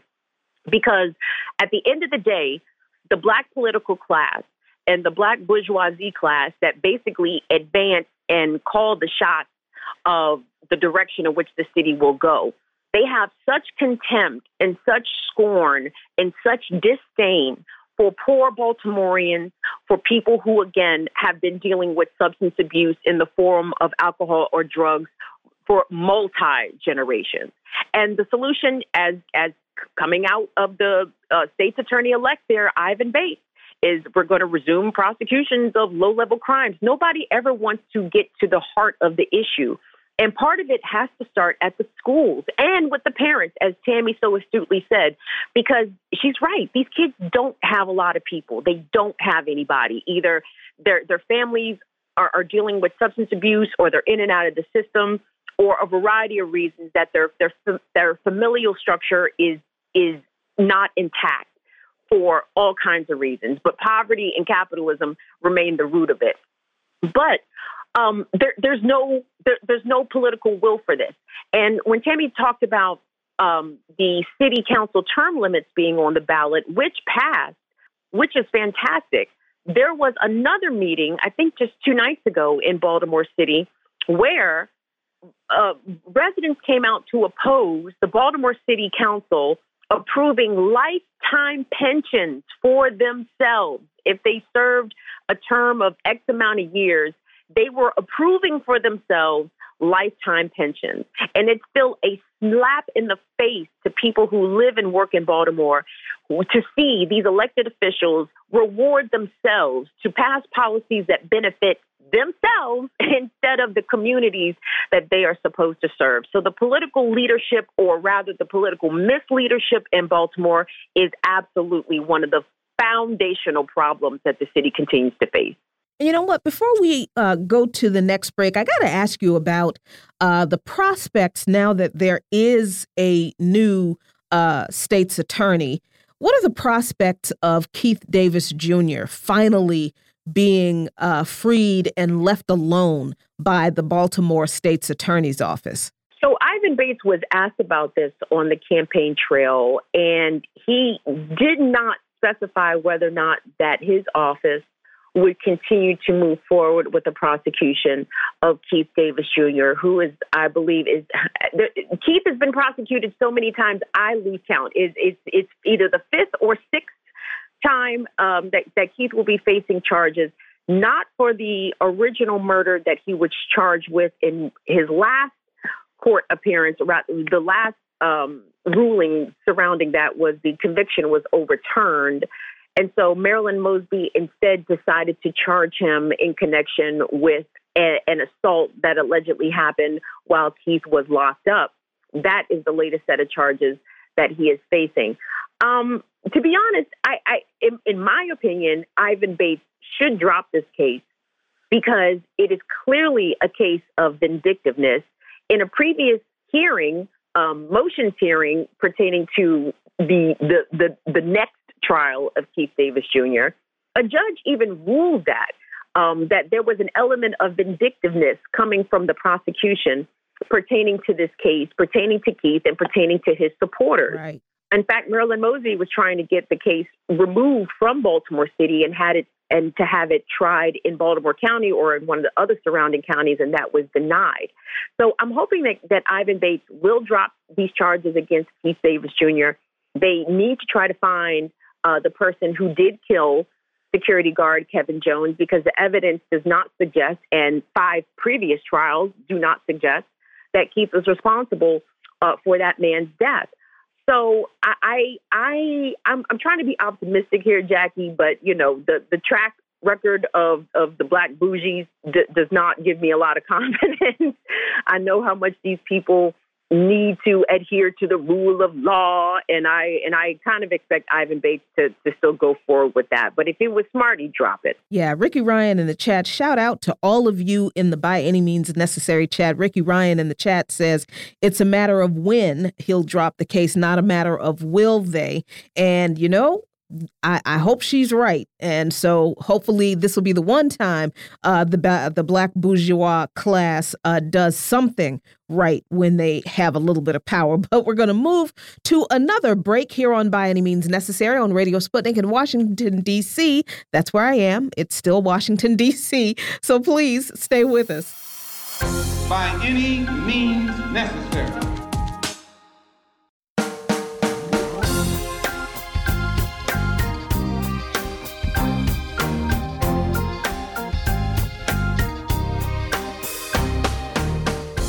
Welcome back to By Any Means Necessary on Radio Sputnik in Washington, D.C. I'm your host, Jacquie Luqman, and as always, we're your guide to connecting the political, social, and economic movements shaping the world around us.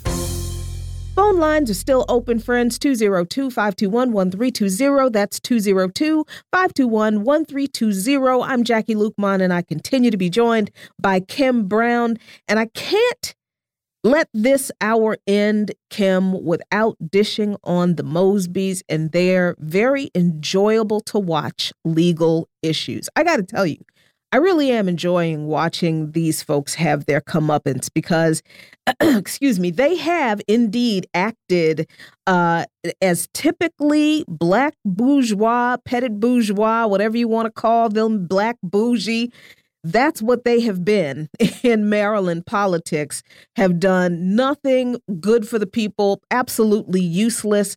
And in the case of Marilyn Mosby in particular, um, use the office of the prosecutor to basically enrich herself. She's now under indictment in federal court on charges of perjury and mortgage fraud. Prosecutors allege that Mosby lied about uh, suffering a coronavirus related financial setback in order to withdraw a, a $90,000 from her city retirement account in 2020, which you know, I just I, I I also think that some of this is kind of of petty, but I also feel like Kim, it is the people who really hold the power letting folks like the Mosbys know that they are there for the people who actually have the real power for their use. They can't do what those folks who have the real power do. So I, I feel like, you know, I don't think you should be prosecuted for um, taking money from your own retirement account. I think that's ridiculous. However, if you're going to break the rules and do that and think you can get away with doing that because you are uh, part of the in crowd, I really do think this is an example of uh, the people who are really a part of the power elite in Baltimore letting the Mosbys know, no, no, you're not one of us. Um, you marched to our orders and you stepped out of line this time. But that that's just me looking on the outside looking in. What is what's your assessment of Mosby's legal challenges and uh, you know her uh, her and her husband's ongoing uh, legal issues? So the Mosbys are the latest in a long series of higher ranking black politicians in Baltimore City that have been targeted with uh, prosecutions for relatively petty stuff. I mean, Jacquie, you're not wrong. Did she? Who, who did she steal money from? Nobody. She took money from herself and, and she's being penalized for that. And again, I say this as somebody that I'm not a fan of Marilyn Mosby at all. okay, but I saw what happened with um, with uh, both Sheila Dixon, former mayor of Baltimore, who was drummed out of office and prosecuted for allegedly taking uh, gift cards um, that were intended for poor people. Um, the other previous mayor, I'm sorry, her name escapes me, uh, and, and, I'm I'm sorry, uh, Pugh. Yes, thank you so much, Catherine Pugh, who actually had to serve a federal prison sentence in connection with um, her publishing of, of, something called Healthy Holly, which was a, a, a, children's book that she wrote. But she got money from uh, a university medical system that she didn't claim, and there was some other higgy hagger pertaining to that. Catherine Pugh was the only one to go down in in that alleged controversy. There were other people involved, white people involved, who didn't get in any trouble whatsoever. So for Marilyn Mosby to be targeted in this way for something that is, I think, I agree, is demonstrably petty, is like you said, a reinforcement that you know you don't play in the same game as these as these true elites do, right? You you are still on that. You in the G League. You're not already. You're not in the NBA here, Maryland. So, but but I think that they deserve this reckoning because at the end of the day, Baltimore City residents deserve quality representation. They don't need people that are going to be trying to pull little little stunts, little come up and stunts in the ways that the Mosbys did. Uh, the the ethics investigation that Nick Mosby finds himself in pertains to the legal fund that the Mosbys created for themselves, dealing with some of these um, these, these these legal headaches that they have, which when they started it, and let me be clear, they created like a GoFundMe for, for, for their legal fund. These two sitting elected officials were trying to raise outside money um, in for their defense, which to me also looked ethically weird. I didn't think that that was an appropriate thing for the sitting city council president and the sitting uh, state attorney uh, for the, for Baltimore to be doing. So he has to face um, an ethics commission for these allegations. I think he was able to get a postponement because Mr. Mosby said that he didn't have time to find counsel. Okay, whatever you say there, Nick. Um, so I, I don't know. Mar- uh, Marilyn Mosby is, is not is I don't think is a good representation for the city, and the city needs to move forward because continuing to prosecute people for small things or even for big things. When we talk about the possession and, and selling of drugs, we can agree that heroin and fentanyl are scourges in our community. But again, uh, circling back to the origins of the heroin, to the origins of the fentanyl, to who really actually profits and benefits by the selling of these drugs, right? It's not the people that are trying to scrape together rent money or scrape together food money. No, it is people further up the chain that are ultimately profiting off of uh, the, the, the the culture of selling uh, in manufacturing and arresting and incarcerating people for drugs. So when it comes to Marilyn Mosby and Nick Mosby, I, I too find a bit of a entertainment value in it because you know they are my class enemies, and I don't like to see them win. so we we will see, but I don't think Marilyn Mosby should go to jail behind this. Um, I hope she does not go to jail. I don't like to see people go to jail, even if I really don't like them. And I didn't like to see Car- Catherine Pugh go to jail or Sheila Dixon go to jail for that matter.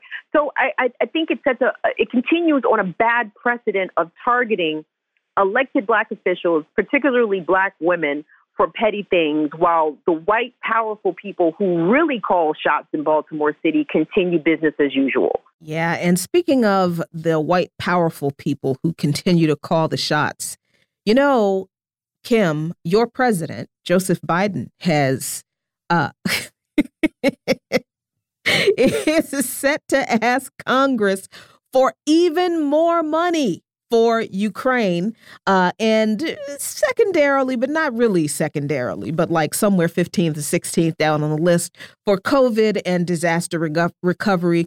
The Biden administration is asking Congress to include additional funding in the must pass government package for what it uh, said are three critical funding needs um, continued support for the people of Ukraine. I, and it's great how he's framing it as that instead of all this money going to give Ukraine more weapons to keep this war against Russia going. Um, COVID 19 response and natural disaster recovery. The $37.7 billion Ukraine request is spread across four U.S. government departments, um, which would include $21.7 uh, billion dollars for the Department of Defense, uh, $14.5 billion for the State Department for direct uh, budget support to the Ukraine, $626 million for the Department of Energy for nuclear support to Ukraine, and, and $900 million for the Department of Health and Human Services to provide standard assistance, health care, and support services for Ukrainian parolees. What in the world? Oh, then it's just $10 billion as opposed to the $21.7 billion for uh, weaponry and, and war and all of its permutations. Just $10 billion, $10 billion for COVID 19 funding. Um, yeah. I, I just, I. I think the priorities of the administration are pretty clear in the distribution of this 30.7 $37.7 billion request um, for more money for mostly Ukraine.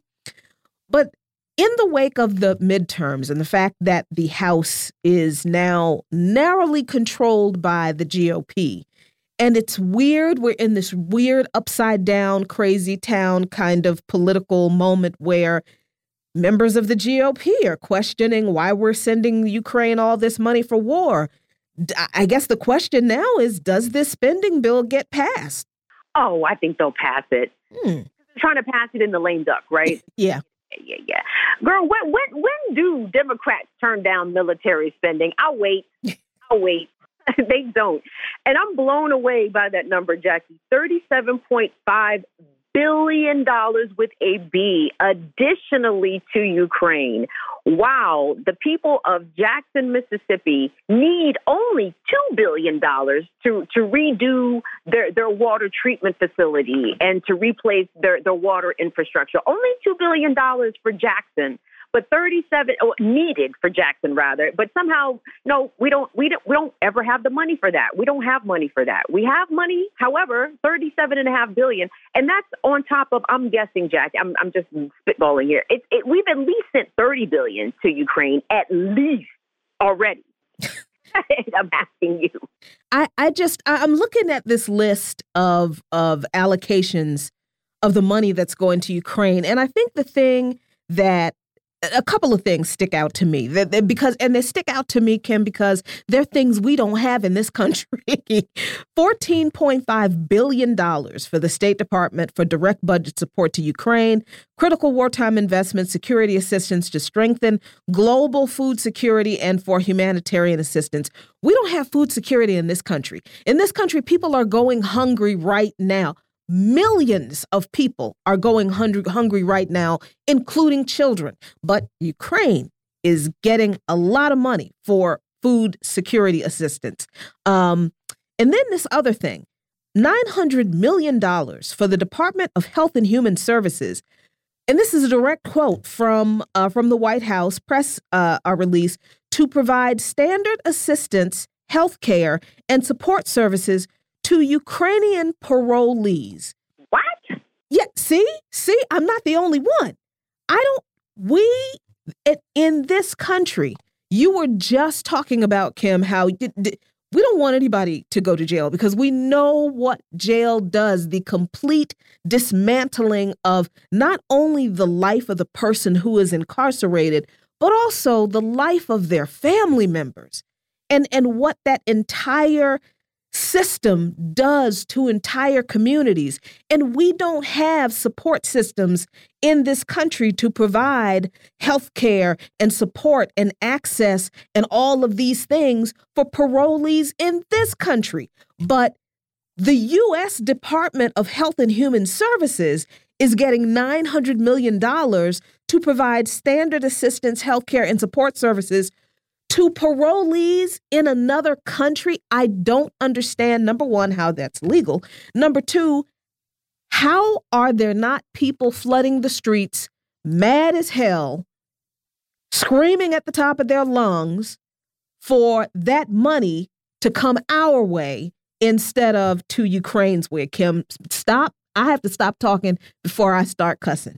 Well, so I well, I think there's a couple of things. So I think that Ukrainian propaganda, pro-Ukrainian, let's support Ukraine propaganda was really effective here in the United States. And the reason why people aren't in the streets over that $900 million going to Ukrainian parolees is because, Jacquie, those are white parolees. Come on now, you know help. you know white people need help out here to the tune of almost a billion dollars. These white foreigners, they need some help. They need a little bit of help. They need a hand out, hand up.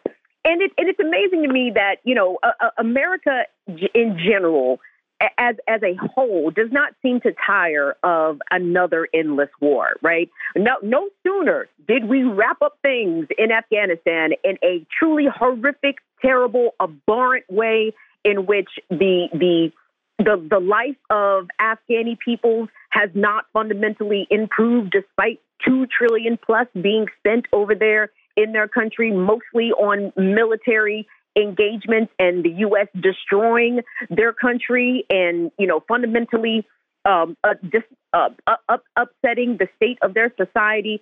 You know, there, there's nothing to show for that except for the fact that uh, BAE Systems and Raytheon and Lockheed Martin continue to line their pockets, and that same system just continues, except in a different geographical location. So, of course, America has endless billions to pour into this war to to to make sure that the, the military industrial complex keeps keeps puttering along. And as Americans, you know, this country we have just come to accept that that this country will spend more abroad than it will even on its own citizenry. But you bring up a really interesting point, Jacquie, when it comes to the GOP taking control of the House. And when I heard Marjorie Taylor Greene uh, say very clearly that she doesn't want one more dime spent in Ukraine, I said, me neither. said, no. Me neither, Marjorie. Ooh. And and what's also interesting, I talked about this on my show briefly, but Jacquie, let's imagine horrifically that Donald Trump gets reelected. Girl, guess who is stopping the war in Ukraine? Oh my goodness.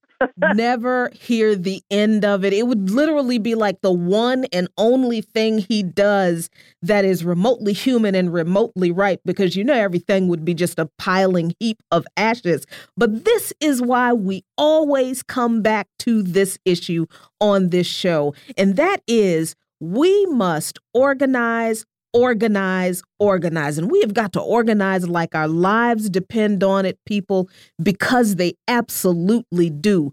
Gone must be the days where we are out organized by the right wing in this country, because that is really what has happened. They've taken the playbook of the left, of the labor movements, of the civil rights struggles, and they've used it and they brought us here, but we can take that back. We have to do that now. And the only way we can do it is to organize. But we're out of time for the show today. I want to thank Kim Brown so much for joining me. We'll be right, not right back, but we'll be back tomorrow with a whole new show on the eve of Thanksgiving, uh, I think we will have a uh, retrospective on all of the, or at least a lot of the uh, observations of harvest festivals. Everybody around the world does not celebrate Thanksgiving.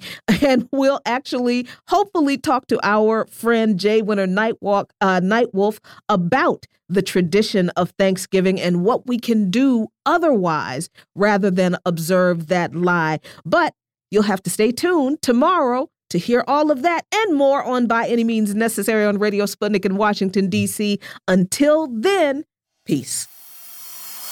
By any means necessary.